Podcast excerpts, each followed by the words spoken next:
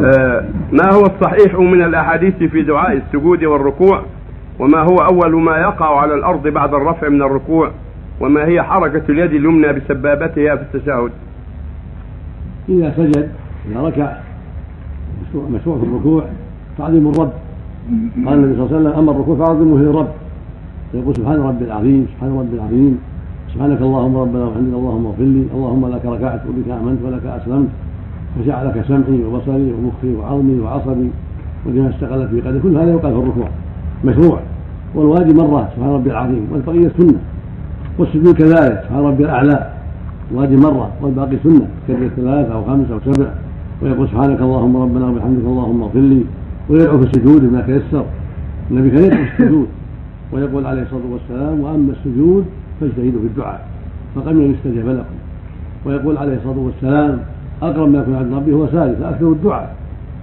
وتقول ويقول في حديث علي كان إذا سجد يقول لك اللهم لك سجدت وبك آمنت ولك أسلمت سجد وجهه الذي خلقه وصوره وشق على وسمه وبصره تبارك الله أحسن الخالقين.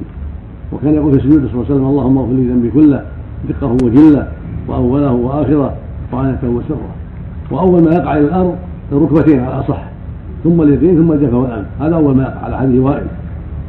اول الركبتان ثم اليدان ثم الجبهة والانف والرفع يرفع أولا الجبهة والانف ثم يرفع اليدين ثم ينهض بالركبتين. هذا هو المشروع. وأما حديث ابي في رفع اليدين قبل الركبتين هو حديث فيه انقلاب.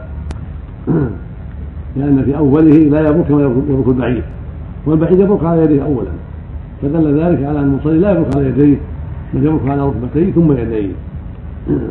وأما قول وليضع عند قبل الركبتين يعني أبي هريرة وليضع على يديه قبل ركبتيه فهذا فيه انقلاب والأرجح والأظهر أن الرواية وليضع ركبتيه قبل يديه كما يوافق صدر الحديث. فان صدر الحديث يقتضيه ويوافق أيضا حديث وائل في هذا الباب وما